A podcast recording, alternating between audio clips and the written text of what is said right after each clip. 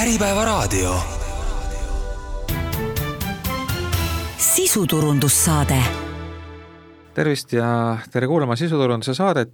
seekord me räägime rahast ja räägime rahast suurel skaalal Euroopa ja Eesti riigiarve, eelarve tasandil ja sellel teemal on meil külas ähm, Rahandusministeeriumi riigieelarve osakonna juhataja Kadri Tali, tervist! tere päevast! Ja Euroopa Komisjoni Eesti esinduse majandusnõunik Ave Jean-Lukas, tere! tere!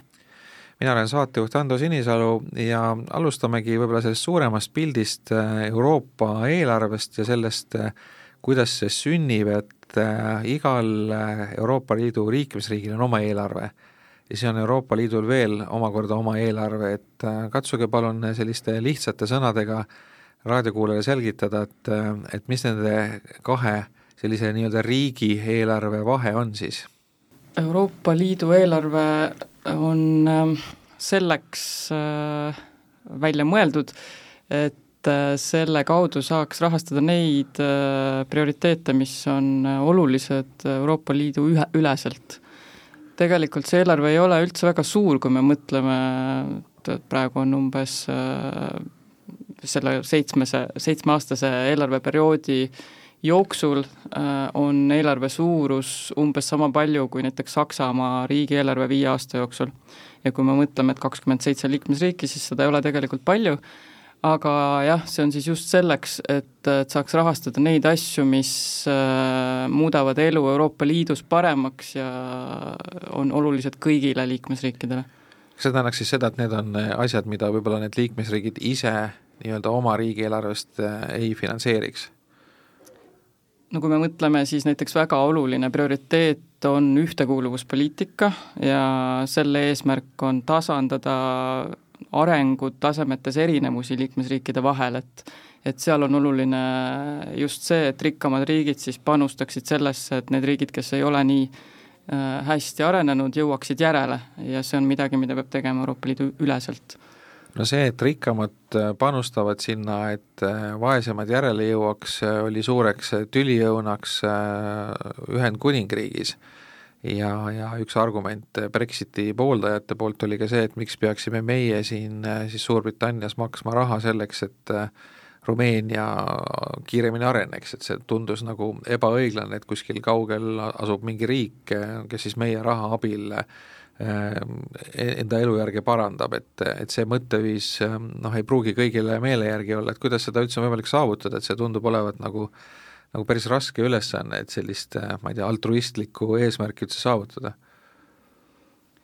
Euroopa Liidu eelarve puhul jah, alati kui järgmise perioodi eelarvet kokku lepitakse, siis tegelikult need läbirääkimised on väga rasked, teinekord võtavad aega aastaid, kolm, kolm ja pool aastat näiteks on olnud. Äh, üks näide, aga mis Ühendkuningriiki puutub, äh, siis äh, nende puhul tegelikult algusest peale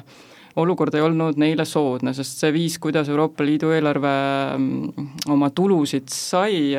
see koosneb mitmetest allikatest, et seal on nagu oma ressursid, mis riik, liikmesriigid panustavad vastavalt sellele, kui suur on nende sisemajanduse kogutulu ja kui palju, kuidas on nende see käibemaksu laekumine, aga ka siis äh, Euroopa Liidu enda, ütleme näiteks tollimaksud Euroopa Liidu välispiirilt. ja mis Ühendkuningriigi puhul oli see, et nende sissemakse oli suhteliselt kõrge just tänu selle käibemaksu komponendile, aga samal ajal sel hetkel, kui nemad liikmeks said, läks väga suur osa, üle poole Euroopa Liidu eelarvest äh, ühise põllumajanduspoliitika toetamisse ja Ühendkuningriigi põllumajandussektor oli suhteliselt väike, nii et nad tagasi said äh, proportsionaalselt päris vähe, et see konflikt äh, oli tegelikult algusest peale sinna natuke sisse kirjutatud. Aga nüüd see, see netomaksja ja netosaaja teema, et Eesti on senimaani olnud siis nii-öelda saaja poolel, ehk et ta maksab sisse vähem, kui ta vastu saab ja, ja siis on pidevalt räägitud, et nüüd ühel hetkel saabub see murdepunkt või see hetk, kus Eesti hakkab äh, rohkem sisse maksma, kui ta tagasi saab, et äh, kui kaugel see, see punkt meist praegu on? jaa, Euroopa Liidu eelarve jaotatakse perioodideks, et äh, kaks tuhat neliteist kuni kakskümmend aastatel Eesti maksis ühe euro sisse, sai neli eurot tagasi, nüüd on alanud järgmine eelarveperiood, kakskümmend üks kuni kakskümmend seitse aastat, ja seal me maksame ühe euro sisse, saame kolm tagasi, ehk et nagu me saame juba natukene vähem tagasi ähm,, raske on teha pikaajalist prognoosi selle kohta, et äh, millal me võiksime muutuda netomaksjaks. et ähm, see, see ei olene mitte ainult sellest, kuidas Eesti majandusel läheb, vaid see oleneb ka sellest, kuidas ülejäänud Euroopa Liidu riikidel läheb, et, et põhimõtteliselt me räägime ju ikkagi äh, kogu Euroopa Liidu riikide majanduskasvust ja, ja selle suhtes võetud keskmisest. nii et ähm, me olime sellel kursil, ma ütleks ähm, noh, kui vaadata näiteks Eesti Panga pikaajalist prognoosi, mis oli tehtud äh, neli aastat tagasi enne koroonakriisi, et siis me olime sellel kursil, et äh, umbes aastaks kolmkümmend viis jõuda netomaksja staatusesse, aga nüüd nii koroonakriis kui ka sõda Ukrainas on kindlasti majandusele avaldanud olulist mõju mitte ainult Eestis, vaid ka teistes Euroopa Liidu riikides, nii et ma hetkel, mul ei ole seda kristallkuuli, et öelda, millal me jõuaksime netomaksja staatusesse. millest see sõltub täpsemalt, et mille järgi see nii-öelda otsustatakse, et nüüd, nüüd on see hetk käes, kus te peate hakkama teisi toetama? See võetakse siis äh, suhtena äh, rahvamajanduse kogutoodangust ja seda kõrvutatakse noh, nagu kogu Euroopa Liidu riikidega, nii et praegu sisuliselt Eesti maksab äh, näiteks käesoleval aastal Euroopa Liidu eelarvesse kolmsada miljonit, aga vastu saame sealt äh, käesoleval aastal circa miljardi, et tegelikult äh, on need proportsioonid praegu ikkagi nii, et maksame ühe euro sisse, saame kolm tagasi, jah. Äh, no Eesti tegelikult äh, noh, teine selline murdepunkt, äh, mida, mida ka siis nii-öelda Eesti, kes on ju vist uhkusega võime öelda kõige edukama majandusega post-Nõukogude vabariik või on Leedu edukam, ei teagi, aga noh, ühesõnaga me oleme koos nendega, et, et öeldi, et see hetk, kus me nüüd möödume mõnest Vana-Euroopa riigist oma rahvus, rahvamajanduse kogutoodangu ühe elaniku kohta, et see vist on ka käes, et me tegelikult täna äh, Portugali ja Kreeka äh, mõistes oleme nendest mööda läinud, äh, samas Ida-Euroopas, äh, Kesk-Euroopas on Sloveenia ja, ja Tšehhi Vabariik, võib-olla keegi veel on meist, meist edukam, et me oleme suhteliselt nagu hea, head progressi teinud, aga aga, aga, aga viimasel ajal on see vist natuke aeglustunud, et, nii-öelda kui me võrdleme, meile meeldib ennast võrrelda, eks ole, naabritega ja sarnase ajalooga riikidega, et et kuidas nagu Euroopa tasandil vaadatuna, et me oleme täna, kas me, me, me oleme veel juba keskmik või, või päris keskmik ei ole? no kui vaadata näiteks äh, sedasama rahvamajanduse kogutoodangut ja, ja skp näitajaid, äh, skp näiteks on see, mille alusel siis äh, ühtekuuluvuspoliitikat ehk siis struktuurifondide mahtusid arvestatakse, et et seal on Eesti Statistikaameti värskete andmete järgi kaheksakümmend seitse protsenti Euroopa Liidu keskmisest ja ja see tegelikult, see trend on olnud äh, järjest aastatega kasvav, ähm, tõsi, me oleme jõudnud Portugalile järgi ja mööda minemas, äh, samas jah, ähm, Tšehhi ja Sloveenia on arengus kiiremini liikunud ja, ja kohe on olnud ka näha selles eelarve läbirääkimiste mustris, et kui riigid ähm, hakkavad muutuma netomaksjateks, nagu näiteks Tšehhi, siis nende eelarve läbirääkimiste positsioonid ka muutuvad oluliselt nõudlikumaks ja nõudlikumaks siis nende riikide suhtes, kes on äh, jätkuvalt suuresti netosaajad aga nüüd Eesti võimalused siin kaasa rääkida, et milleks seda raha seal selles nii-öelda ühise, ühises eelarves kasutatakse, et kui suured need on ja kas on mingi näide selle kohta näiteks minevikust, kus me oleme suutnud mingisugust enda äh, ettepanekut hästi kaitsta või vastupidi, siis ka mõni meie soov, mis ei ole täide läinud? ma arvan, et äh, kõige ilmekamad näited siit lähitulevik või jah, minevikust? jah, kõige ilmekamad näited lähiminevikust äh, nüüd, äh, kui vaadata eelarveperioodi kaks tuhat kakskümmend üks kuni kakskümmend seitse läbirääkimisi, siis äh, ähm, olime me väga mm, läksime me kaitsma kolme prioriteeti, ehk siis et Eesti koos teiste Baltimaadega soovis saada suuremaid põllumajandustoetusi ja kuigi me seal ei jõudnud siiski oodatud tulemuseni, siis me tegime märkimisväärse sammu kasvu suunas siis äh, Rail Balticu rahastamise teemal oleme me olnud väga häälekad koos teiste Balti riikidega samamoodi ja seal on siis meil õnnestunud äh, säilitada äh, Euroopa Liidu poolne mm, rahastamismäär, kaheksakümmend viis protsenti projektist, ja samamoodi siis garanteerida seda, et see projekt jätkuks ka kaks tuhat kakskümmend üks kuni kakskümmend seitse, et see rahastus oleks olemas, Euroopa ühendamise rahastust, ja kolmanda prioriteedina seisis Eesti läbirääkimistel selle eest, et äh, meie õiglase ülemineku fondi summa kasvaks, et selles võetaks äh, arvesse kõikidel riikidel äh, arvutusvalemis siis kriteeriume ühtemoodi, ehk siis et Eesti oleks võrdselt koheldud nende riikidega, kes kaevad, kaevandavad kivisütt, pruunsütt, et kui äh, Eestis kaevandatakse põlevkivi, siis tegelikult sisuliselt on tegemist äh, sarnase maavaraga ja seetõttu peaks olema ka siis võrdselt koheldud, nii et seal meil õnnestus ka siis viiskümmend miljonit juurde kaubelda viimasel ööl mis äh, kõige sellised silmatorkavamad projektid on, äh, mis on meil valminud Euroopa rahaga, et tegelikult kui ringi liikuda, siis neid infotahvleid on ju päris palju, kus, kus on märgitud, et mingisugune Euroopa fond on osaline ja noh, kas või igasugused kergliiklusteed, mida tuuakse ka sageli näiteks, aga, aga mis sellised kõige mastaapsemad asjad on, mida võib öelda, et ilma selle toetuseta poleks sündinud? Jaa, äh, kui me mõtleme nüüd äh, viisteist aastat näiteks ajas tagasi, äh, siis pärast Euroopa Liidu liitumist oli Eesti jaoks prioriteet rahastada baasinfrastruktuuri ehitust, ehk siis raudteed, maanteed, veetorud, Ehm, ja, ja teiselt poolt hakata rajama siis meile äh,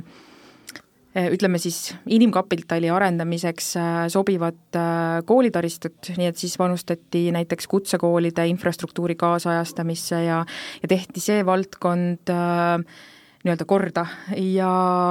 ja et see oligi selline baasvajadus, et kui nüüd äh, võrrelda teisi uusi Euroopa Liidu riike, näiteks Rumeeniat, Bulgaariat, Eestiga tollel hetkel, siis tegelikult ka nendel on täna need baasvajadused, mis meil olid kaks tuhat seitse, kolmteist äh, võib-olla kõige prioriteetsemad. et kaks tuhat neliteist, kakskümmend perioodil said meile prioriteetseteks äh, investeeringud eelkõige majanduskasvu, tootlikkusse ja meie inimestesse. ehk siis me investeerisime näiteks, korraldasime ümber äh, koolivõrgu, kindlasti olete märganud, äh, kerkinud on riigigümnaasiumid, mis on hoopis teistsuguse lähenemisega,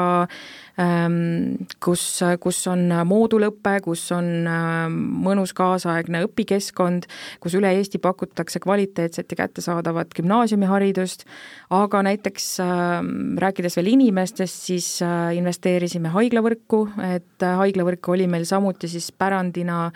nõukogude ajast üledimensioneeritud, ebaotstarbekas äh, infrastruktuur maha jäänud, nii et me oleme siin ka teinud suuri edusamme ja, ja ma ütleks, et et seal me nüüd äh,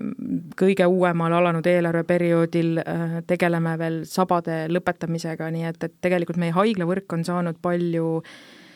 optimaalsemaks, kaasaegsemaks ja pakub ka head kvaliteetset teenust aga kuidas see suhe raha kulutamisel on, kui võtta nüüd siis otseselt see noh, piltlikult öeldes betoon äh, versus äh, inimkapital, et, et tihti tundub, et need suured projektid, eks ole, mis välja paistavad vähemalt, eks ole, sisaldavad ju endas nagu betooni või need on siis nii-öelda ehitised või rajatised, samas nüüd inimkapital, mis tegelikult on ju ka äärmiselt oluline, see võib-olla ei paista nii hästi ka välja, võib-olla sellest ei räägita nii palju, aga, aga on ju tegelikult võib-olla isegi olulisem. et kuidas see suhe on nende kahe, kahe vahel? Jah, eks seda, seda ilmselt on raske mõõta, ehm, ma arvaks, et meil järjest on kasvanud see ehm, investeeringud, mida me teeme inimestesse, et äh, meie baastaristu on äh, valmis saamas, me oleme kaasajastanud koolivõrgu, teadusasutuste võrgu ja, ja nüüd on aeg äh, võib-olla rohkem keskenduda inimestele, nende äh, kvalifikatsiooni tõstmisele, aga ka näiteks sotsiaalteenustele, tervishoiuteenuste kvaliteedi tõstmisele, nii et ma arvaks, et see, see proportsioon on äh, aastatega järjest kasvanud ja, ja põhimõtteliselt noh, kui vaadata näiteks ainult struktuurifonde, siis ma usuks, et see võib olla isegi viiskümmend, viiskümmend äh, praegu juba, et äh, kui me võtame näiteks ühe valdkonna teadus-arendus, innovatsioon, siis me võib-olla tagasi mõeldes ütleks, et ahaa, me oleme siin investeerinud rohkem näiteks äh, ülikoolide ja teadusasutuste infrastruktuuri ja ehitanud neile kaasaegsed õppehooned ja, ja varustused ja laborid, aga nüüd on võib-olla liikunud see tähelepanu fookus hoopiski sellele, et äh, mida me sellega teha oskame ja teha saaksime selleks, et äh, Eesti ettevõtted saaksid sellest maksimaalset kasu, ehk et kuidas äh, ülikoolid ja teadusasutused saaksid rakendusuuringute abil pakkuda ettevõtetele võimalust arendada välja kõrgema lisandväärtusega tooteid ja teenuseid kui suure osa Eesti riigieelarvest need rahad, mis Euroopa fondidest tuleb, moodustavad, et kui, kui tähtis see meie jaoks on? No välistoetused on meil äh, igal aastal eelarves äh, moodustavad kümme protsenti ja, ja kui vaadata avaliku sektori investeeringuid puhtalt ainult eelarves, siis äh, see on kuskil kolmkümmend kuni nelikümmend protsenti, et ta võib aastate lõikes natukene varieeruda, aga laias laastus kolmkümmend kuni nelikümmend protsenti sellest, mida avalik sektor investeerib see tähendab siis seda, et äh, kuni selle ajani, mil me muutume nii-öelda netomaksjaks, tuleks kõik olulised asjad ära teha, sest äh, see on nii, nii oluline osa sellest riigieelarvest, mis me saame praegu ise väljastpoolt, et et, et pärast me ei saaks enam neid investeeringuid ilmselt teha, kui me peaksime nii-öelda rohkem ise hakkama saama. Vot nii ja naa, et tõenäoliselt kui me ise oleme muutunud äh, jõukamaks äh, Äh, on meil ka rohkem äh, võimalusi ise investeerida, ehk siis äh, me ei peaks kurvastama selle üle, et meie toetuste maht võib langeda, meie enda võimalused ja võimekus teha olulisi investeeringuid näiteks siis kas koolivõrku või teedesse või, või kuhu iganes, peaksid tegelikult kasvama sellega see koos, kuidas kasvab meie majanduslik jõukus nüüd äh, vaatame natukene tulevikku ka, et äh, seda praegust äh, rahastusperioodi, mis lõpeb kaks tuhat kakskümmend seitse,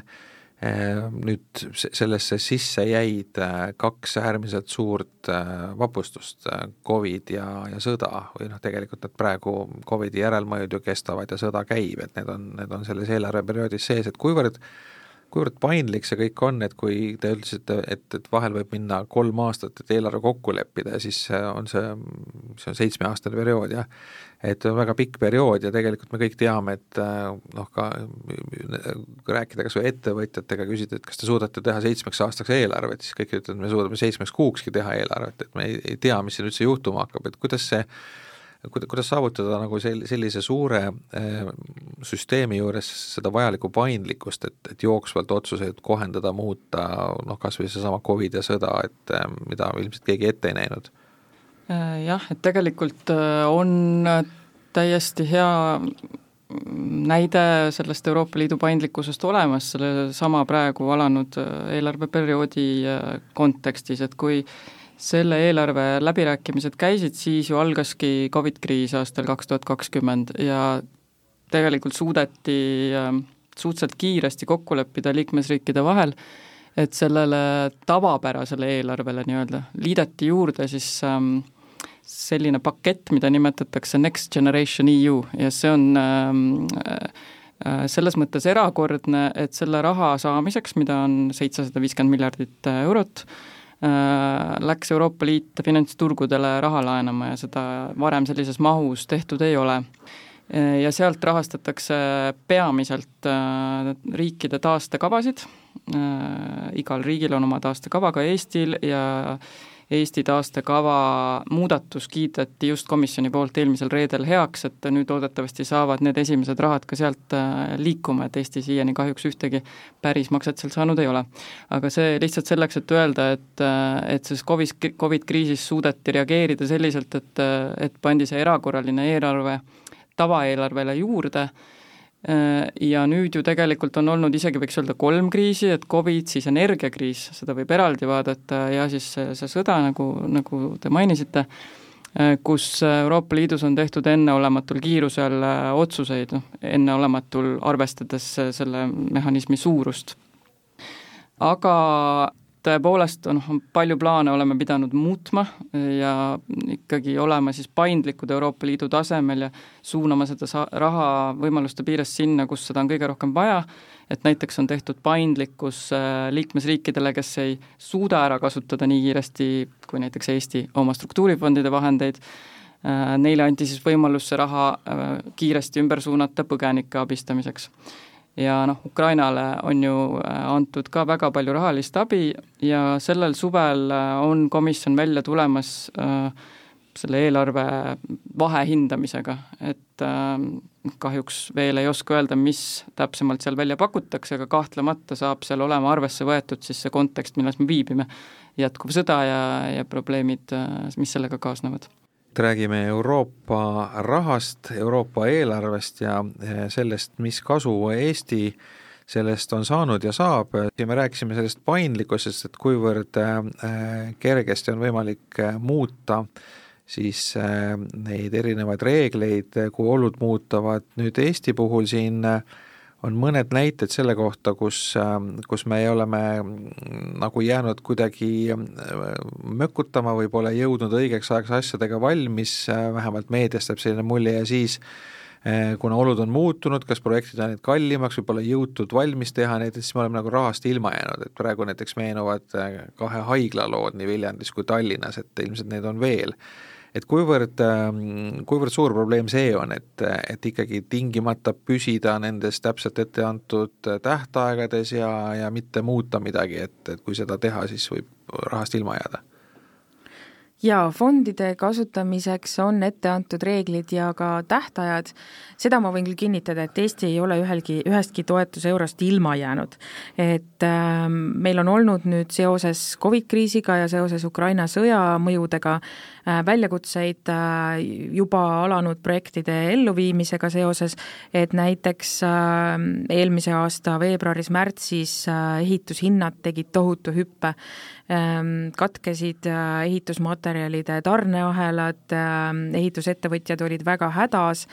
osaliselt lahkus ka ehitustöölisi, mõned nendest läksid siis, ukrainlased näiteks läksid oma kodumaa eest sõdima, et siis äh, olidki ettevõtjad keerulises seisus ja ehitushinnad tõusid kohati kolmkümmend kuni nelikümmend protsenti. Nii et jah, meedias oli ka juttu sellest, et Viljandi haigla puhul ehitaja lahkus äh, ehitusplatsilt, äh, visates kellu nurka, aga saime sellest ka üle, on tehtud uus hange, ehitus jätkub, äh, projekt on graafikus, nii et kui vaadata struktuurifondide lõppevat eelarveperioodi, siis tegelikult me ei arva, et seal oleks põhjust muretseda, et, et mõni toetuseuro jääb kasutamata. Et vastupidi, riik on selle riski maandamiseks võtnud ka väikese ülebroneeringu, ehk siis et me oleme lubanud äh, käivitada suuremas mahus äh, projekte, kui, kui meil tegelikult Euroopa Liidust toetust tulemas on. ja see ongi siis just selle mõttega, et kui mõnes valdkonnas kulub seda raha vähem, siis teises valdkonnas saab selle arvelt teisi projekte rahastada. nii et Viljandi haigla on graafikus ja, ja muud ehitusprojektid, näiteks riigigümnaasiumid on ka kenasti valmimas. ja, ja kui vaadata Mm, kogu seda investeeringute mõju, äh, mis Eestile on olnud, siis äh, kui Eesti liitus äh, Euroopa Liiduga, oli meie skp viiskümmend viis protsenti Euroopa Liidu keskmisest, see on nüüd aastate jooksul kasvanud, nii et, et eelmise aasta skp oli meil kaheksakümmend seitse protsenti Euroopa Liidu keskmisest, ähm, ma küll ei väida seda, et see on ainult Euroopa Liidu toetuste mõjul, et kindlasti on Euroopa Liidu toetustel väga oluline mõju selles. see on üks mõju vist ka, et vaeseid riike on juurde tulnud vahepeal, et äh, pärast meid on liitunud ju Bulgaaria, Rumeenia, Horvaatia näiteks ja sellega on keskmine alla tulnud ka see ilmselt on, on üks, üks faktoreid, aga siiski meie majandus on äh, oluliselt kasvanud ja, ja aspekt, mida siin tuleb kindlasti silmas pidada ja mida Eesti ähm, on alati investeeringute planeerimisel ähm, põhimõttena rakendanud, on see, et et kuidas investeerida teha selliseid tarku valikuid, mis tooks meile tulevikus majanduskasvu ja kuidas investeerida arenguhüpetesse, mida me ise enda riigieelarvest ähm, nii kiiresti teha ei saaks. ehk et mitte rahastada jooksvaid kulusid, mitte maksta näiteks sotsiaaltoetusi, vaid äh, kuidas investeerida sinna, mis tooks meile tulevikus kasu, et ilmselt ähm, näiteks koolivõrgu korrastamisega oleks me võib-olla ise tegelenud ähm, nelikümmend aastat, kui me peaksime seda tegema puhtalt ainult riigieelarve rahadest aga Euroopa Liidu toetus on meil tegelikult võimaldanud selle riigi gümnaasiumite võrgu üles ehitada kümne aasta jooksul. nii et me oleme siin nagu mõnes mõttes ajast ette hüpanud selle toetuse toel no meediast ma olen kuulnud ka selliseid äh, arvamusi, et, äh, et nii meie kui, kui mõned muud riigid ei ole jõudnud ära kasutada seda raha, mis tegelikult nagu on saada, et see noh, mõnes mõttes kõlab absurdsena, et sul on nagu raha, aga sa ei jõua seda mingil põhjusel ära kasutada, et kuivõrd äh, tõsine mure see on? Eesti siin kindlasti ei kuulu klassi viimaste hulka, et Eesti on ikkagi pigem äh, selline viieline õpilane olnud ja kulutab äh, või absorbeerib siis kenasti ära kõik saadaolevad rahad, võib-olla see mulje on ka jäänud sellest, nagu ma siin enne mainisin, et sealt taastefondist Eesti ei ole veel ühtegi päris makset saanud aga, ja tulles tagasi võib-olla eelmise küsimuse juurde, nende mm, reeglite jäikuse juurde, et see taastefond on jah, natuke selline eriline loom, et noh, tema eesmärk oli ähm, võimaldada riikidel võimalikult kiiresti taastuda algselt siis Covidiga äh, seotud majanduskriisist ja sotsiaalvaldkonna probleemidest ja, ja siis riigid leppisid ühiselt kokku, et, et see saab olema selline hästi kiire fond, mis tähendab ka ühtlasi seda, et aastaks kaks tuhat kakskümmend kuus peavad kõik rahad olema ära kasutatud. aga see on nüüd toonud kaasa selle, et seoses sõjaga ja kui tekkisid tarneahelates probleemid ja, ja inflatsioon äh, ähm, kasvas, siis ilmnes, et mõned projektid, mille ri-, riigid oma taastekavasse panid, ei oleks olnud enam realistlikud siis nende riikide arvates valmis saada aastaks kaks tuhat kakskümmend kuus ja see oleks kaasa toonud selle, et oleksid siis lõpuks võinud saamata jääda mingid rahad. Ja noh, seetõttu on neid, on neid taastekavasid siis muudetud, nagu ka Eesti seda on teinud, ja üks projektidest näiteks, mis oligi algselt seal Eesti taastekavas, oli see Tallinna haigla, mille siis Eesti otsustas äh, sealt kavast välja võtta ja asendada selle Viljandi haiglaga, mis peaks olema siis realistlikult äh, valmiv aastaks äh, kaks tuhat kakskümmend kuus. Nüüd äh, nendest fondidest rääkides, et taastekava oli, oli just äsja jutuks, et see siis on, on selline fond, mis loodi nii-öelda kiiresti reageerides olukorrale, mis Covidiga tekkis aga mis, mis fondid veel on, kust, kust Eesti on raha saanud? Ja ma saan aru, et tegelikult see raha saamine tähendab ju seda, et, et me ikkagi ju maksame sisse ka, et see ei ole nii, et me ainult saame, et me maksame sisse ja võib-olla mõnda fondi, ma ei tea, kas võib nii olla, et me mõnda maksame rohkem sisse, teisest saame rohkem tagasi, et et see ei ole päris nagu no see arvestus on fondide ülene, aga nagu ma siin saate alguses mainisin, et kui Euroopa Liidu eelarve loodi siin kuuskümmend aastat tagasi, et ja noh, tema eesmärk on siis väljendada neid prioriteete, mis on, mis on ülesed liidu tasandil, et siis tegelikult suurim mure sellel hetkel oli ju äh, see, kuidas toita Euroopa Liidu rahvast peale sõda. Ja seetõttu üks esimesi ühiseid poliitikaid, mis, äh, mis sai loodud, oli ka põllumajanduspoliitika. Ja eelarvest läks alguses ligi kuuskümmend protsenti põllumajandustoetusteks, et noh, tagada siis seda, et oleks süüa ja et põllumehed saaksid väärikat tasu oma, oma töö eest. aga ajaga need prioriteedid on, on muutunud ja juurde on tulnud siis uusi fonde, et algselt oligi see põllumajandusfond, siis tulid juurde regionaalarengu fondid, teadus-arendusrahastus ja praegu on umbes laias laastus niimoodi, et need nii-öelda vanad poliitikad, siis põllumajandus ja ühtekuuluvus on kumbki umbes kolmkümmend protsenti Euroopa Liidu eelarvest. Ja, ja need uued prioriteedid, siis majanduse moderniseerimine, äh, need on siis ülejäänud kolmkümmend, et niisugune laias laastus kolmeks jaguneb ähm, ja võib veel sellise numbri välja tuua, et nüüd praeguse perioodi eelarvest umbes kolmkümmend protsenti peaks ka minema äh, rohe Äh, eesmärkide täitmiseks. et ähm, selleks on ka siis loodud juurde erinevaid rahastusvõimalusi, aga kui me vaatame Eestit nüüd, et siis on, on umbes niimoodi, et äh, ikkagi Eesti saab äh, kõige rohkem raha sealt ühtekuuluvusfondidest.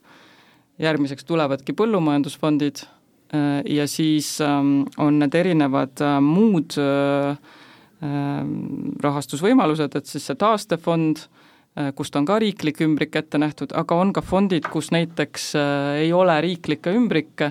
vaid kus raha saamine käib siis vastavalt sellele, kui hästi oma projekti suudetakse ellu viia, et selliseks on näiteks ähm, Euroopa ühendamise rahastu, ehk siis koht, kus rahastatakse Rail Balticu ehitust. ja võib-olla veel tasub ära mainida, et nüüd äh, praegusel perioodil seoses selle rohe äh, mis Euroopa Komisjoni jaoks on, oli kõige esimene, millega see praegu ametis olev Ursula von der Leyeni komisjon välja tuli, on see rohelepe, Euroopa rohelepe, ja selle üheks selliseks mm, eesmärgiks on ka see, et, et kõik peavad selle rohepöördega saama õiglaselt või võrdselt kaasa tuldud. ja, ja sellel eesmärgil loodi siis ka eraldi fond, äh, õiglase ülemineku fond, äh, kust siis äh, Eesti äh, Ida-Virumaa näol saab ka raha, et see on siis mõeldud äh, fossiilsetest kütustest äh, puhtamatele alternatiividele kaasneva sotsiaalmajanduslike mõjude ehm, kompenseerimisega. aga kui palju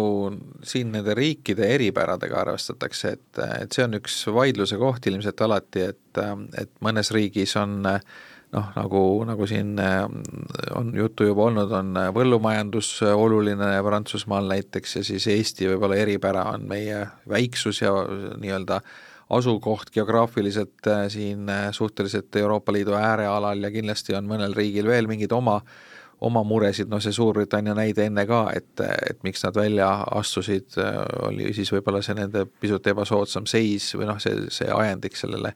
selle rahajaotuse puhul, et et noh, neid erihuvisid on päris palju, et kuidas see kuidasmoodi nendes on võimalik üldse kokkuleppele jõuda või kuidas see, kuidas see käib, et, et kui keegi tahab nüüd mingisugust oma agendat sisse tuua sinna eelarve arutellu, et et mis võimalused seal on? eks need eelarve läbirääkimised ongi koht, kus iga riik saab oma poliitilisi prioriteete siis välja tuua ja seal kehtivad tavalised läbirääkimiste reeglid, et et äh, kuidas äh, õnnestub need kompromissid saavutada ja kes kellega suudab siis jälle omakorda mingeid koalitsioone tekitada, et ühiseid huvisid äh, läbi suruda ja noh, nagu Kadri siin enne mainis, et Eestil oli see põllumajandustoetuste suurendamise eesmärk, aga seal olid ka paadis mõned teised uued liikmesriigid, kellel oli sama mure, et ikkagi need toetused jäävad alla Euroopa Liidu keskmise ja koos tegelikult äh, töötati ju selle nimel, et, et neid toetusi suurendada, äh, aga hiljem, kui see eelarve on kokku lepitud, et siis ikkagi iga riik peab, nüüd need erifondid, millest ma rääkisin, äh, sealt selle raha kasutamiseks tegema oma plaani, kuidas ta seda raha kasutab ja saab siis seal oma isiklikke prioriteete väljendada. et loomulikult need mingil määral valideeritakse komisjoni tasemel või on mingid reeglid, kuhu seda raha tohib panna ja kuhu ei tohi, noh nagu Kadri enne mainis, et näiteks jooksvateks kuludeks üldiselt Euroopa Liidu raha kasutada ei tohi, ja meil on ka näiteks olemas selline ähm, Äh,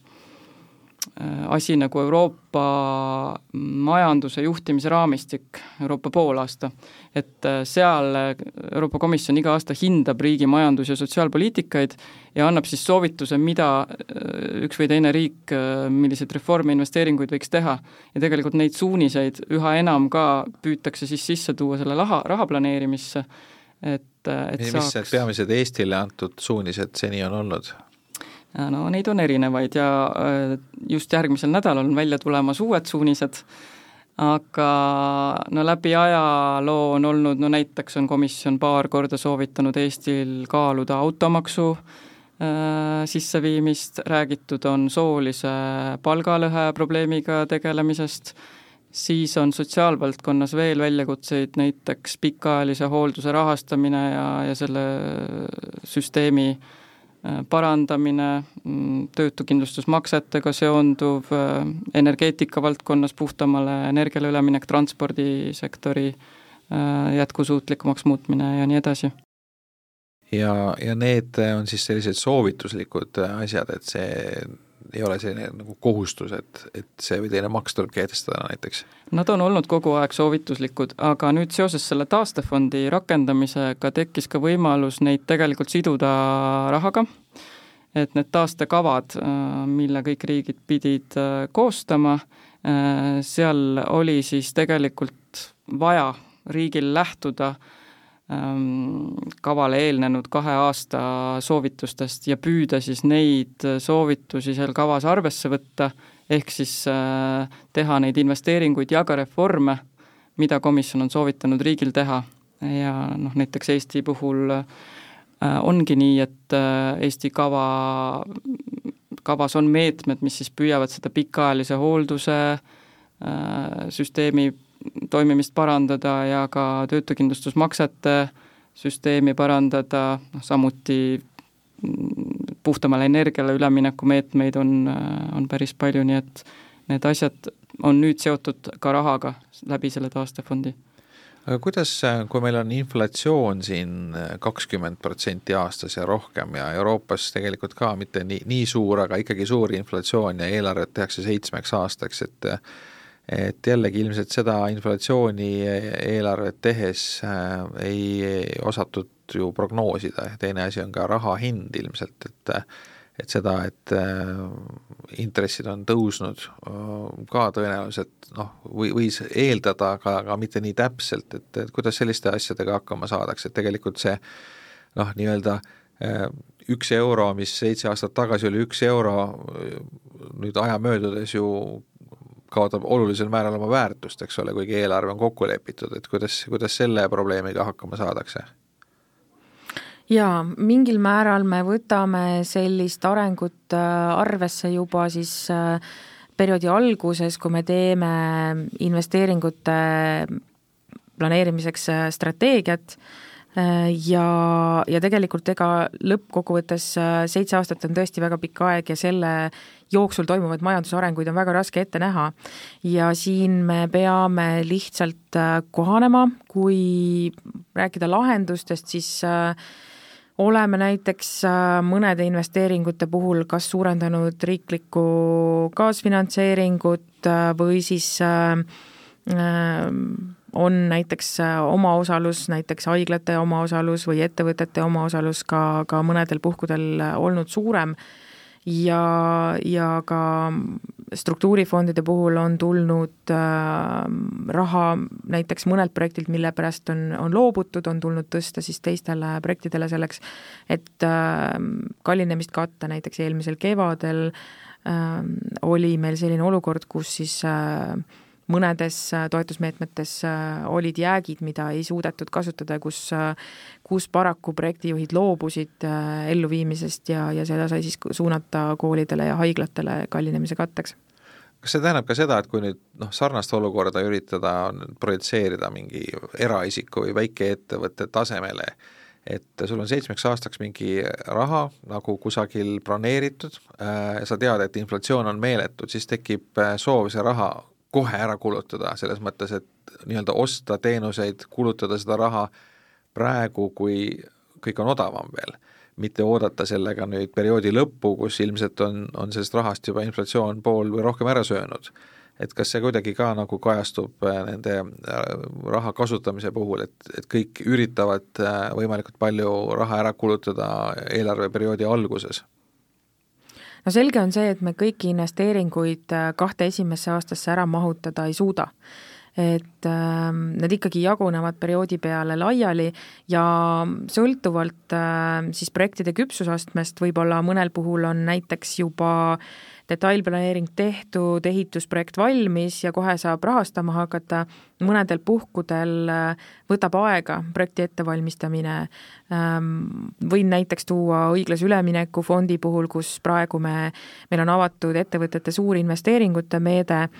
kus äh, projekti ettevalmistus äh, võtab aega näiteks aasta, et ettevõte saaks äh, oma, oma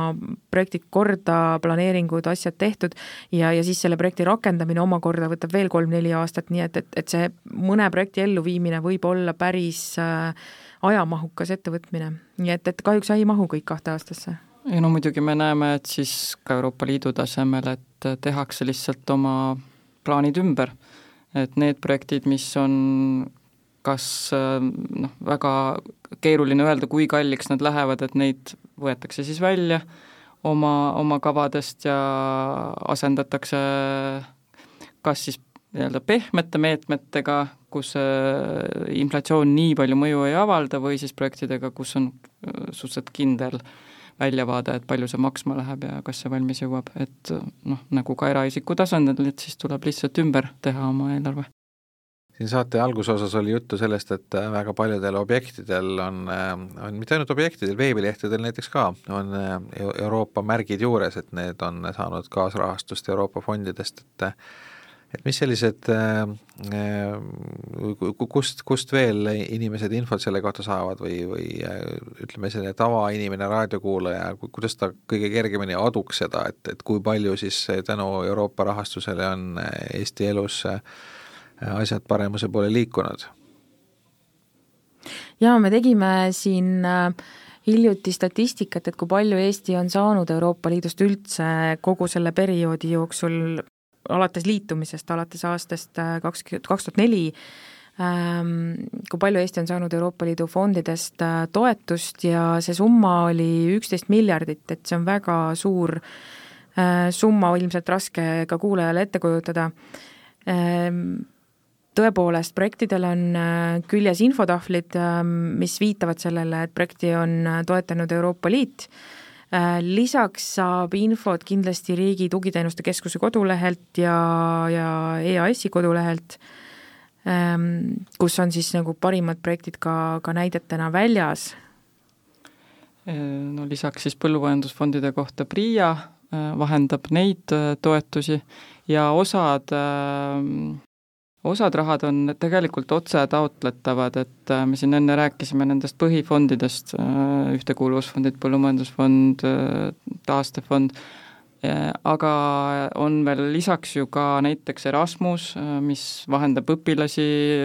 või Horisont, mis on teadusprogramm, et sinna riikidele niimoodi ümbrikke ei jagata et seal peavad siis näiteks Horisondist teadusasutused otse taotlema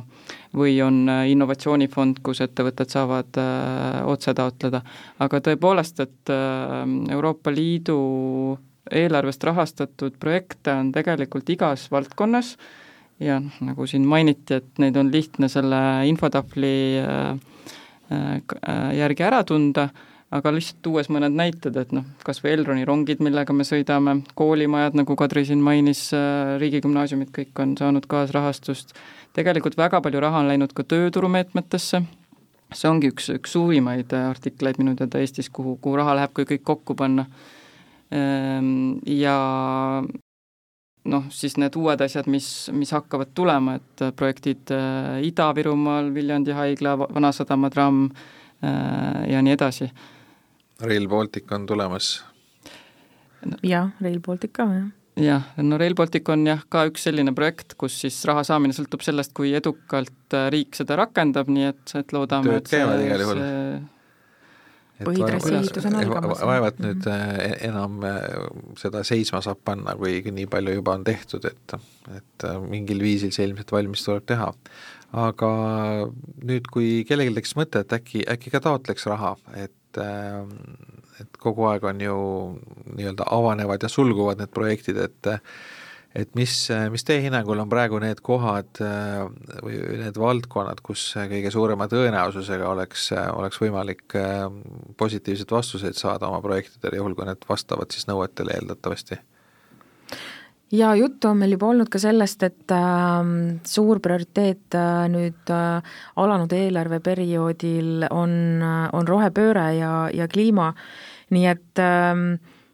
põhimõtteliselt projektid, mis äh, on seotud äh, näiteks ettevõtete puhul äh, ressursitõhususega, rohetehnoloogiate kasutuselevõtuga, on kindlasti teemad, mis kahel käel vastu võetakse, samamoodi kui, kui nüüd vaadata lisaks ettevõtetele ilmselt on huvilisi ka teistest valdkondadest, et toetame ka näiteks elamumajanduses, sinna minemas suured investeeringud selleks, et muuta meie korterelamud energiatõhusamaks, et kui, kui vaadata Ehm, kuidas Eestis üldse jaguneb näiteks äh, meie energiakasutus siis, siis kolmkümmend protsenti meie energiast tarbivad ära need ähm, nii-öelda nõukaaegsed paneelmajad, et neid oleks tegelikult hädasti vaja renoveerida ja sellesse me suuname rekordsuuruse summa, et sinna läheb nelisada miljonit äh,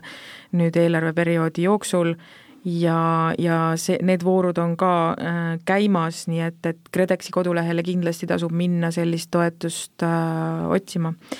ja rääkides veel kliimast, siis toetame kohalikke omavalitsusi näiteks ka, aitame neil äh, rohepöördega toime tulla, et äh, näiteks jäätmete liigiti kogumise infrastruktuur või siis ka juba kliimamõjud ise, ehk siis et äh, kuidas muuta näiteks äh, sadevete kanalisatsioon äh, ümber ehitada selliselt, et see suudaks äh, vastu võtta siis äh, kliimamuutustest tulenevalt ähm, suurema koguse sademeid, mis meil paraku aastatega on pigem olnud see trend sinna suunas. Nii, aga suur tänu teile, see oli esimene saade sarjast, me, me jätkame ja räägime siis detailsemalt äh, nendest fondidest edaspidistes saadetes pikemalt